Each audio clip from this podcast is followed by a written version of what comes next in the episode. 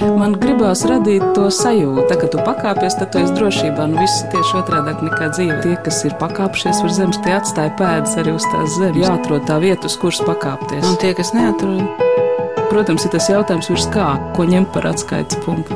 augstāk par zemi. Augstāk par zemi. Augstāk par zemi.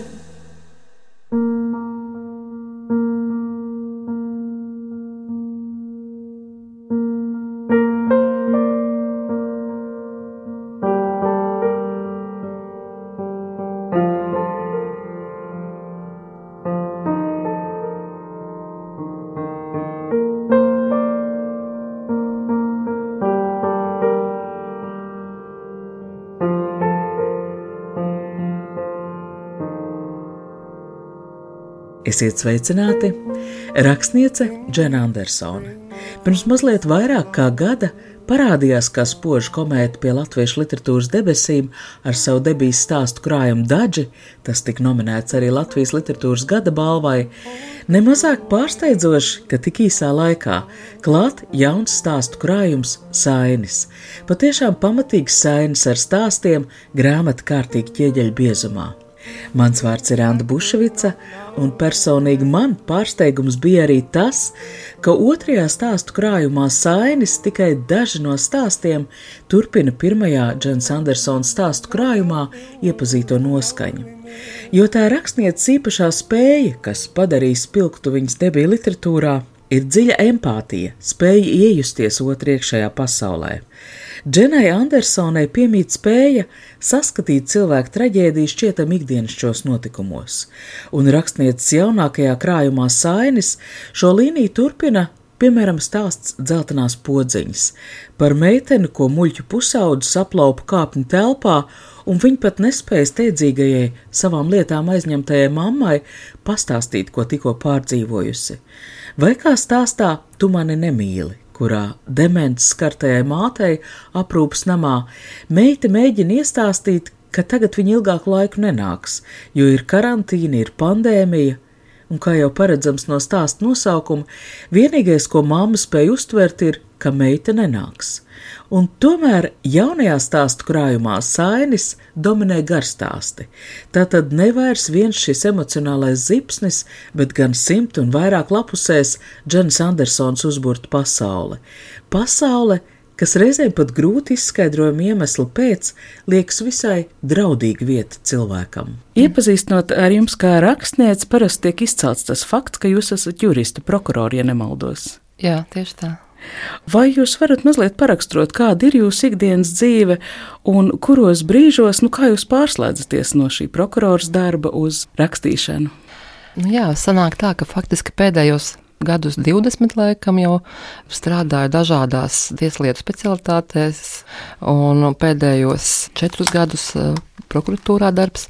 Tā pārslēgšanās, es vienmēr esmu uzskatījusi tā, ka tā profesija, nu, tas jurists, tas tomēr nav tas, kas, teiksim, definē mani kā cilvēku. Tas amats, tas darbs, tas ir tikai tas veids, nu, kādā es pelnu maizei. Un līdz ar to man ir tā brīvība iekšējā, to es tā izjūtu, ka es varu iziet laukā no darba, aizvērt durvis ciet un sākt dzīvot nu, to savu dzīvi. Es atceros, ka man pirms dažiem gadiem krustmāte jautāja, kas es gribētu būt, nu, ja es nebūtu kļuvusi par juristu. Un es viņai saku, ja man būtu otrā dzīve, tad es droši vien gribētu rakstīt scenārijus, es gribētu būt režisors, taisīt filmas, nu, kaut ko tādu, rakstīt grāmatas. Nu, tā kā es to varēju tā noformulēt tādā vienā elpas vilcienā, tad es sapratu, jā, ka faktiski es visu mūžu gribēju to darīt. 2020. gadā es beidzot saņēmos un iestājos Literārajā akadēmijā. Kaut kas tāds atvērās, tā kā tādas durvis, sloks atvērās, ka es sapratu, kā es to varu darīt, vispār, ka es to varu darīt. Un es sapratu, ka nemaz rakstīšanai, nu, lai sarakstītu grāmatu, nav vajadzīgs nu, tāds, nezinu, tur, tur drausmīgi daudz tā laika. Nu, faktiski es varu atnākt no darba, un ja es katru dienu varu, nu, kaut vai, nezinu, pa stundai vai pa divām tikai parakstīt, tad pa gadu es varu sarakstīt arī no šādu stāstu krājumu. Un tad, kad es to sapratu, kā tas notiek, tad man nu, radās tāda, tāda ļoti tāda pacīlājoša tā sajūta un milzīga tāda pašmotivācija, ka, ka, jā, ka es beidzot nu, varu pietuvoties tam, kas visu laiku man ir bijis tā tāds sapnis, tāds nesasniedzams. Šobrīd latviešu literatūrā ir vesela rakstnieču plejāde, kuras rakstīt sākušas jau nobriedušā vecumā. It kā gribējies rakstīt jau kopš skolas laikiem, bet par rakstniecēm viņas kļuvušas jau pēc profesionālās karjeras izveidošanas. Kā Dāca Vīganta, kā Laura Vinogrādau, kā Jana Egle, tagad arī Džena Andersone. Sakiet, kas ir tas, um, ko jūs um, iegūstat, ko jūs apmierinat uh, šādus atcerotos stāstus un notikumus? Tas, ko es iegūstu, ir tāda milzīga gandarījuma sajūta, ka es varu padalīties ar savu ne tikai ar pieredzi, kas ir iegūta nu, kā no kaut kādiem notikumiem vai darbā pieredzes, bet arī es varu nu, izveidot, tā kā teiksim, nepabaidīšos tā vārta, tādu mazu mākslas darbu un parādīt viņu kādam. Tas ir tāds sajūta, kā ir tāda gaismiņa, un tu vienkārši paņem rokas nost un parādi arī citiem. Un tā ir tāda gandarījuma sajūta, it kā no vienas puses tas neko nu, nedod tādā tiešā nozīmē, bet tā iekšējā sajūta ir tāda ļoti. Līdz šim man pat nav bijis ar ko salīdzināt. Droši vien, ka lielākais prieks, kas man ir bijis, nezinu, kad bērnam ir izlaidums skolā, un tas otrs moments ir tas, jā, kad ir šī grāmata un tā iespēja padalīties ar savu pasaules redzējumu, arī kaut kādā veidā atļauties atkailināt to savu dvēseli, ka es varu ar kaut kādiem tēliem, ar notikumiem, ar šiem stāstiem pastāstīt lietas, kas man ir ļoti svarīgas. Tā ir tā, tāda, es pat nezinu, varbūt pat savu veidu grēksūdzība vai kaut kāda tāda. Nu, nav vienkārši noformulēt ko tas dod, bet tas ļoti bagātina priekš sevis. Es iegūstu daudz, un arī kaut kādā veidā es gūstu kā papildus tā, arī tādu brīvību. Un es esmu izstāstījusi un kļūstu kā brīvāk līdz ar to. Man ārkārtīgi patīk jūsu debijas darbs, šis stāstu krājums daži. Un man likās, ka arī spēja tik dziļi, tik niansēti just ir savu veidu talants. Kā jūs to izjūtat? Tā ir dāvana vai tā ir nu, tāds tas traucē dzīvot un varbūt darīt savu darbu. Zināmā mērā tas empātija tas ir tāds kā sloks.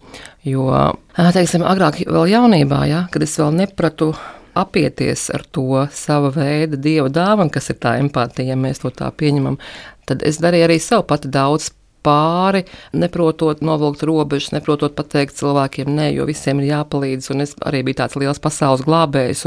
Tad kaut kādā mirklī radās tā iespēja nu, saprast pašai sevi un arī to empātiju izmantot kā tādu instrumentu, lai palīdzētu, bet lai nenodarītu pāri pašai sev un vienkārši sev neiznīcinātu ar to. Man joprojām, nu, kā tā empātija, viņa jau nekur, nu, kā, viņa nevar, pazust, viņa tikai padziļināties, un tad ir tā pašrefleksija, kas ar man notiek tajā brīdī. Bet jā, es faktiski es jūtu līdzi dzīvniekiem un cilvēkiem, un viņu sāpēm, un es varu absolūti caur viņu acīm nu, redzēt gan caur bērnu, gan caur pieaugušu, gan caur vecu cilvēku acīm, kā sajust to, nu, to viņa smagumu, sajūtu to viņa pasauli, nu, kā viņš to redz. Un līdz ar to man ir tā iespēja to visu uzrakstīt vēl tekstā. Un arī cilvēki teikuši, kas ir lasījuši, gan arī nu, vecā gada gājuma cilvēki, ka ir ļoti precīzi tās sajūtas.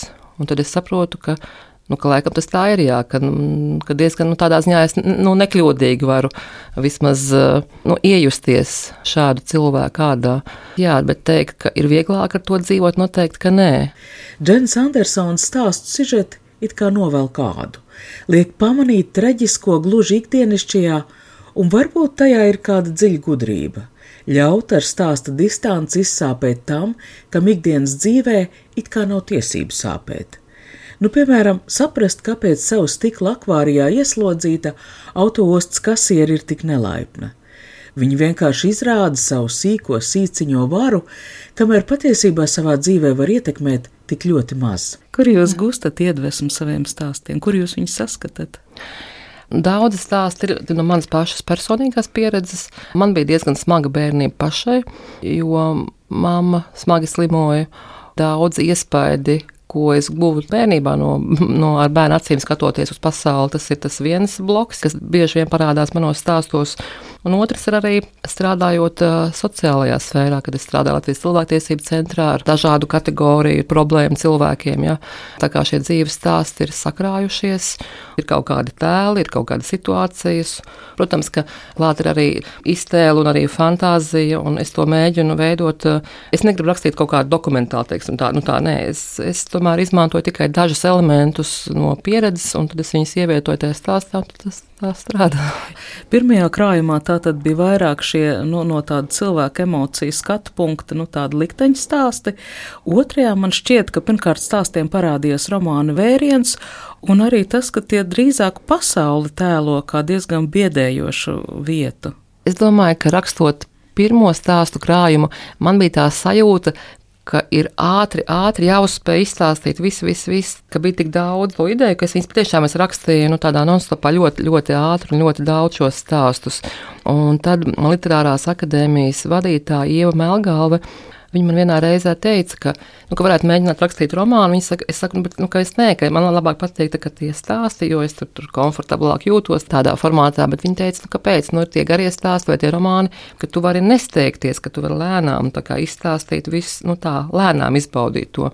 Un es arī izbaudīju, teiksim, rakstot to garo stāstu par inspektoru kas droši vien ir garākais stāsts krājumā sainas. Es izbaudīju pašu to procesu, to rakstīšanas.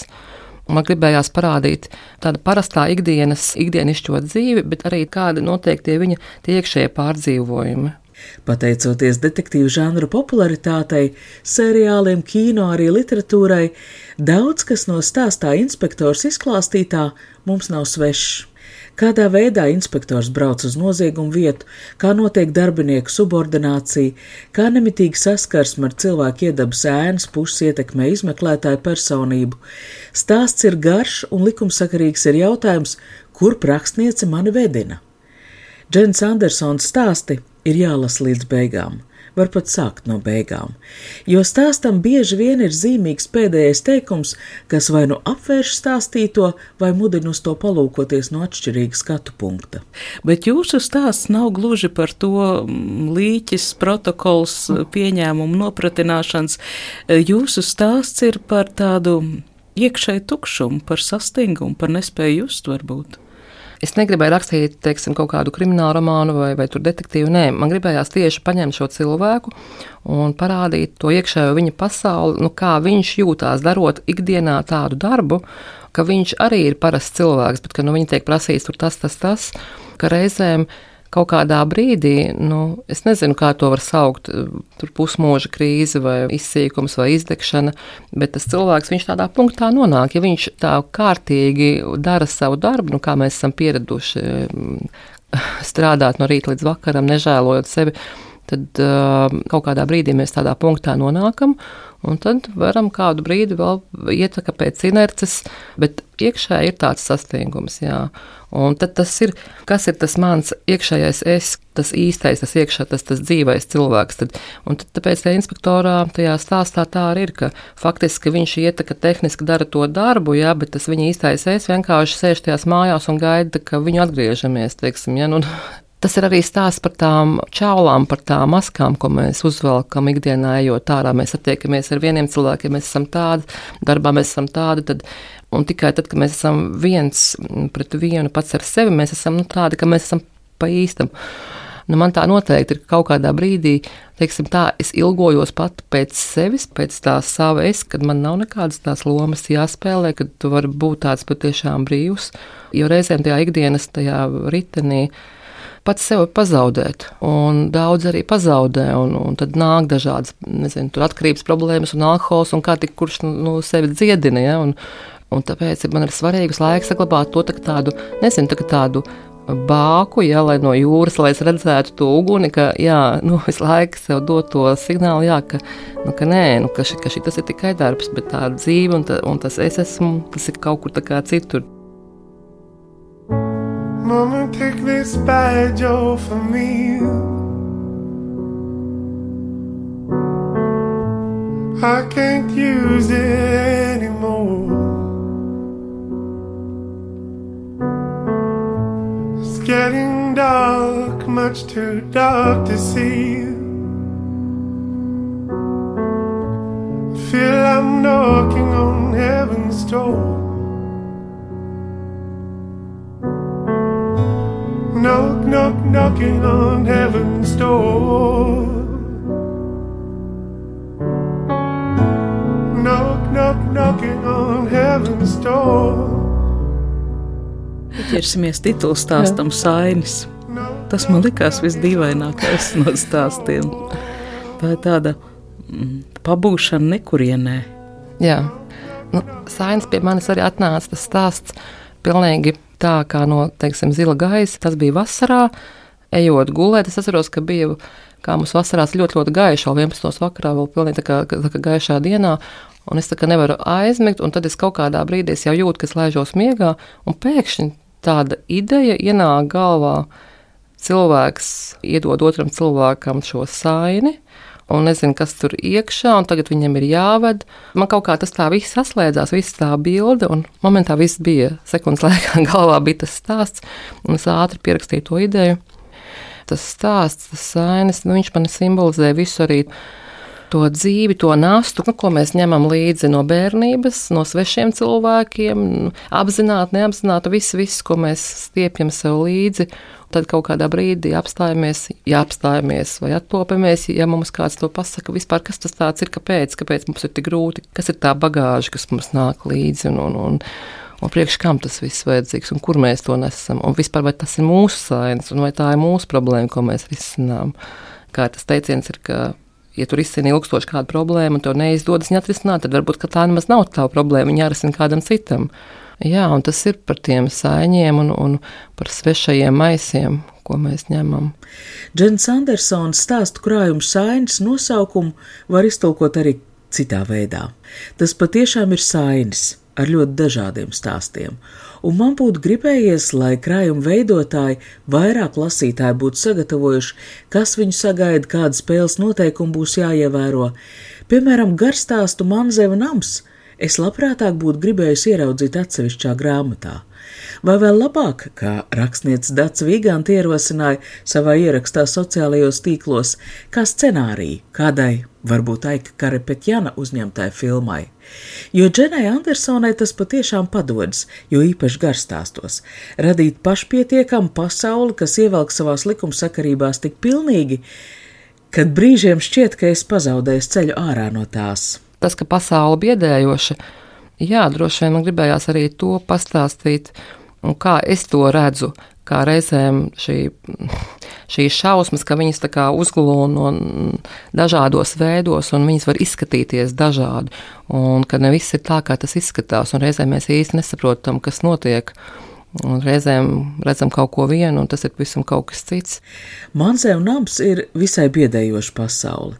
Darbā aizņemta sieviete, kā daļa no darījuma saņem savā īpašumā dzīvokli, kur nav pat iepriekš apskatījusi, ievācas tajā ka tagad ne jau viņa diktē noteikumus savai dzīvei.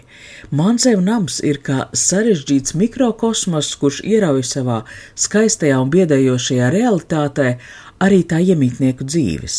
Man lasot, savukārt, likās, ka es zinu, kur atrodas tas Jugendstila nams. Nu, varbūt ne konkrēti šis, bet ļoti precīzi jūs aprakstījāt Jugendstila kvartālu. Man liekas, tas ir Blaumaņa Rozentāla muzejs tur augšā, nu. kur logi ir uz jumtiem un kur ir tie skaistie cipari. Trepi telpās un pagalmos ir tādas mazākas piebūves, kurās Dievs viens zina, kas notiek. Varbūt arī tiešām ražo ziepes no cilvēku taukiem. Pareizi uzminēja to iedvesmu avotu. Jā, apmēram tā varētu būt. Jā, tā, jā, jā nu, ja staigājot pa Rīgu un vienmēr skatos uz jumtiem, man patīk arhitektūra, patīk skatīties uz šīm mājām, iedvesmoties no viņām. Un, Un Rīgā vispār ir visi tie iekšpagalmi, ko mēs pat nezinām, cik tur ir, nu, kā, kā tur var iet cauri un kas tik tur iekšā faktiski nav. Un tik neparasta mm. dzīve, kā šeit stāstā mm. aprakstītajiem tēliem, nevarētu mm. būt parastā dzīvoklī. Bet mm. man šī sajūta drīzāk bija tāda, ka šai sievietei nav pārāk daudz izvēles. Reizēm gadās tā, ka tu esi daļa no sveša saiņa, no sveša sapņa. Šai gadījumā teiksim, cilvēku dzimums nav uzmanības centrā. Cilvēks ir pieredzējis domāt par sevi, kuram pakārtot visu apkārtējā pasauli. Šeit ir šī mazā nobīde, ka cilvēks nav galvenais. Un, ja tā padomā, tā doma nemaz nav tik drosmīga. Tā varētu būt. Mm. Jā, tā varētu būt. Kad, kad tu nemaz vairāk nu, nav nekāda tāda risinājuma, jo tu patiešām esi iekļuvis tādā svešā filmā. Stāsta Damirs Hāns spēlē šahu. Darbība norises kaut kur austrumos, kādā galmā, tādā tūkstoš un viens nakts pasakas greznībā. Krāšņā nežēlība, ar kādu tiek nogalināts homoseksuāls valdnieka dēla mājaskolotājs, arī piederās pasakai, tikai tā nav pasaka. Šis impulss arī radās ļoti tā pēkšņi. Nu, faktiski bija tā, bija tajā gadā vasarā arī bija konkurss, kur varēja iesūtīt stāstus neatceros precīzi to konkursu nosaukumu, bet tur bija saistībā jā, ar, ar šiem identitātes jautājumiem, ar seksuālām minoritātēm. Nu, tur bija jāiesūta stāsti, par cik es pēc tam strādāju tajā cilvēktiesību centrā, tad man bija saskarsme ar ļoti teiksim, daudzu kultūru un daudzu tautību cilvēkiem. Ja? Un ar viņu problēmām, un ar viņu tiem arī interesantiem dzīves skatījumiem, pasaules uztveri, pieredzi, vēsturi un, un tā tālāk pēkšņi atnāca man tā ideja par šo vīrieti, par brāli. Es tajā stāstā arī neprecizēju valsti, neprecizēju laiku, lai viņš būtu tāds, tāds pārlaicīgs. Ja? Jo faktiski jau tā situācija, tas notikums jau var notikt. Nu, arī šajā gadsimtā, un arī iepriekšējā gadsimtā. Tā man galvenais bija tā, tieši tās sajūtas, tā cilvēka sāpes un tās ilgas pēc kaut kā tāda aizliegta. Tā viņš vienkārši Tā šķiet dīvaina izvēle, lai runātu par um, seksuālām minoritātēm, izvēlēties citu gadsimtu. Tā tomēr mm. taču ir absolūti mūsu laika, teiksim, 20. un 21. gadsimta mm. problēma. Nu kā, tas ir pastāvējis vienmēr vienkārši mūsu gadsimtā vairāk par to, par to runāt, pateicoties internetam, pateicoties uh, šai saziņai, ir tā informācija. Runājot par tām citām kultūrām, jā, arī šajā gadsimtā, arī mūsdienās, nu, viņiem tas ir absolūti nepieļaujami. Jā. Jo nu, patiešām, ja mēs um, ir, ir valstis, nu, nesaukšu tagad uh, vārdā šīs valstis, kurās nu, tiešām tos cilvēkus viņus piesien pie krēsliem un nomet no daudz stāv namiem. Ja? Nu, tikai par to, ka viņi tādi ir. Un, un tas ir mūsu gadsimtā, mūsu laikmetā. Nu, Ja pirmajā stāstu krājumā Daži Džena Andersona rakstīja par atpazīstamiem notikumiem, par ikdienas dzīvi, tad sēņi garstāstos rakstnieks demonstrē izcilu spēju pārcelties citā laikā, kultūrā, citā iedomātā realitātē. Es esmu domājis par to, jā, ja man būtu iespēja dzīvot daudzas dzīves, noteikti es vienā dzīvē gribētu būt ārsts, otrā dzīvē es gribētu būt rakstnieks, trešajā dzīvē es gribētu būt arhitekts, es gribētu būt gleznotājs, un kas tik es negribētu būt.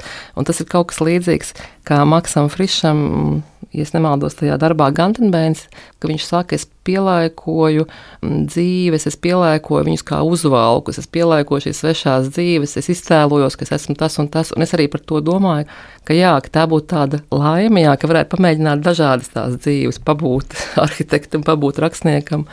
Atceros sarunu ar Jānu Eglu, kur viņa teica, ka rakstot stāstu, šis līdzpārdzīvojums ir tik intensīvs, ka, ja tas ir jāapvieno, nu, viņas gadījumā ar darbu bērndārza vai ar ģimenes lietām, tas vienkārši nav iespējams, jo tā intensitāte tik liela, ka tu nevari piedalīties mhm. ikdienas dzīvē tad jābrauc uz radošo namu. Es tāpēc apbrīnoju, jo jums padodas uzbūvēt šīs lielās mm. pasaules, bet eh, kā nepārtraukt stāstījumu, noturēt šo pasauli paralēli no ejot uz darbu. Es reizēm domāju, kā būtu, ja man būtu tas pilnais laiks, vai tad es visu dienu varētu rakstīt. Tad man bija atvaļinājums, tad es uh, mēģināju saprast, dienā tāpat es varu rakstīt nu, maksimāli.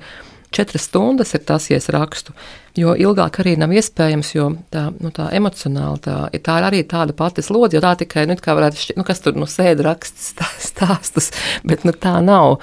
Tas emocionālais līdzpārdzīvojums un pilnīgi var just, kā, nu, iekšē paliek karsts un, un nezinu, un tur sirds daudzās reizēm arī. Un, tā ir tāda slodze, ko ir droši vien grūti tā izmērīt un novērtēt. Mans jautājums bija vēl bezskaunīgāks, vai jūs esat derīgi ikdienas dzīvē à, tajā laikā? Jā. Jo nu, ir ļoti sarežģīti. Nu, droši vien jums ir ģimene, ir līdzcilvēki, ir, nu, kam, pret kuriem jums ir pienākums. Nu. Es laikam esmu tādā ziņā, no šajā vecumā es esmu kļuvusi tāda egoistiskāka, ja, ka es, jā, nu es tagad rakstu, un tagad es neko citu nedaru jā, šajā laikā. Es cenšos saņemt šo laiku, jo es vienkārši to arī sapratu, nu, ja ne tagad, tad kad tad? Un tad, kad es rakstīju, bija tas periods promocijas darba, es mācījos vēl doktor, doktorantūrā, un tur man pagāja četri gadi, un tur arī bija ļoti, ļoti intensīvas tās, tās mācības. Tur es arī katru vakaru nācu no darba, un tur vēl rakstīju to promocijas darbu. Un tad man patiešām bija tāda sajūta pēc tiem četriem gadiem, ka es biju nu, beidzot visu tur pabeigusi un iesniegusi, un visi eksāmeni nokārtot, un promocijas darbs aizstāvēts. Tā sajūta patiešām bija tāda, ka, kā, es nezinu, iznāca no cietuma, nu, jo beidzot es varēju sākt lasīt nevis obligāto literatūru, bet grāmatas, kas ir dzēja un stāstu un romānu. Un es varēju pēkšņi atsākt iet uz teātriem un, un kino un redzēt kaut ko citu, izņemot jurisprudences promocijas darbu. Bet līdz ar to nāca arī tas milzīgais plus, ka man pēkšņi it kā radās milzīgs tas laiks. Es sapratu, ka es varu to savu laiku kaut kā, nezinu, spiest un staipīt tādu plastelīnu. Un pēkšņi man radās, nezinu, papildus kaut kādas divas, trīs stundas pilnīgi dzīvē. Jā, Tā tāda liela laime bija. Nelaiks vienā stāstā bija par dārgo dzīves laiku. Uh mhm. -huh. Jā, tas man likās tāda doma iztēli rosinoša, ka, ja kādam laiks ir liekas, tad kāds viņu var arī var paņemt. Nu, tā jau arī ir tas laiks. Ar to laiku jau vispār ļoti interesanti. Nu, Nu, es tā arī nu, kaut kad nesen sāku tā domāt, nu, ka mums, kas mums pasaulē ir tāds ļoti noteikts, nu, no, ļoti noteikts mums ir nu, telpa, vieta, zeme, nu, tā, kā, nu, tā mēs dzīvojam. Ja? Bet tas laiks, varbūt tā patiešām ir tikai tāda liela fikcija ja, ar visu to laiku. Man tā doma radās, kāpēc es sāku pētīt tās laika joslas. Nu, bija tāda karte, es kaut kā nesen uzdūros, ka vienā pasaules malā nu, tikai tā diena sākās, otrā beidzās, un tad ir kaut kāda tā viena tā vieta, kur sanāk starpība ir 26 stundas vai kaut kas tāds. Un tad es lasīju to aprakstu, jā, nu, ka to jau faktiski ir vienkārši noteikuši cilvēki. Tas jau nav tā kā nu, tā, uz globus uzzīmē, tas vienkārši ir cilvēku izdomāts, cilvēku pieņemts. Un sanāk, ka principā nu, viss jau šajā pasaulē ir tā kā mūsu savstarpējās vienošanās. Mēs vienojamies par to, ka glāze ir balta, jā, jā balta, vats ir zeltains. Un tāpat arī mēs esam vienojušies savā starpā pasaulē nu, par tām laika joslām un, un kā mēs to laiku skaitām. Bet vai tas tā ir patiesībā? Un, un kur tad vēl viss tās laika cilpas. Un, kā, un tas, laikam, jā. ir ļoti spilgti šajā jūsu jaunākajā stāstu krājumā, ka mēs varam atļauties vaļību iekāpt mm. citā laikā vai pilnā mm. situācijā ar atšķirīgiem noteikumiem. Jā, jā. Tas ir diezgan aizraujoši. Mm. Wild lake of black rock bound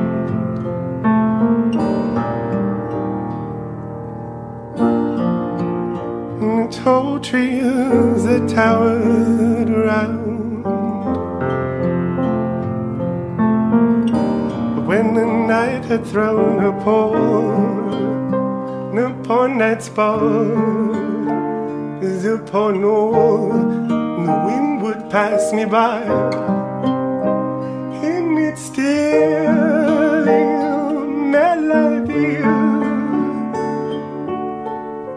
my infant spirit would wake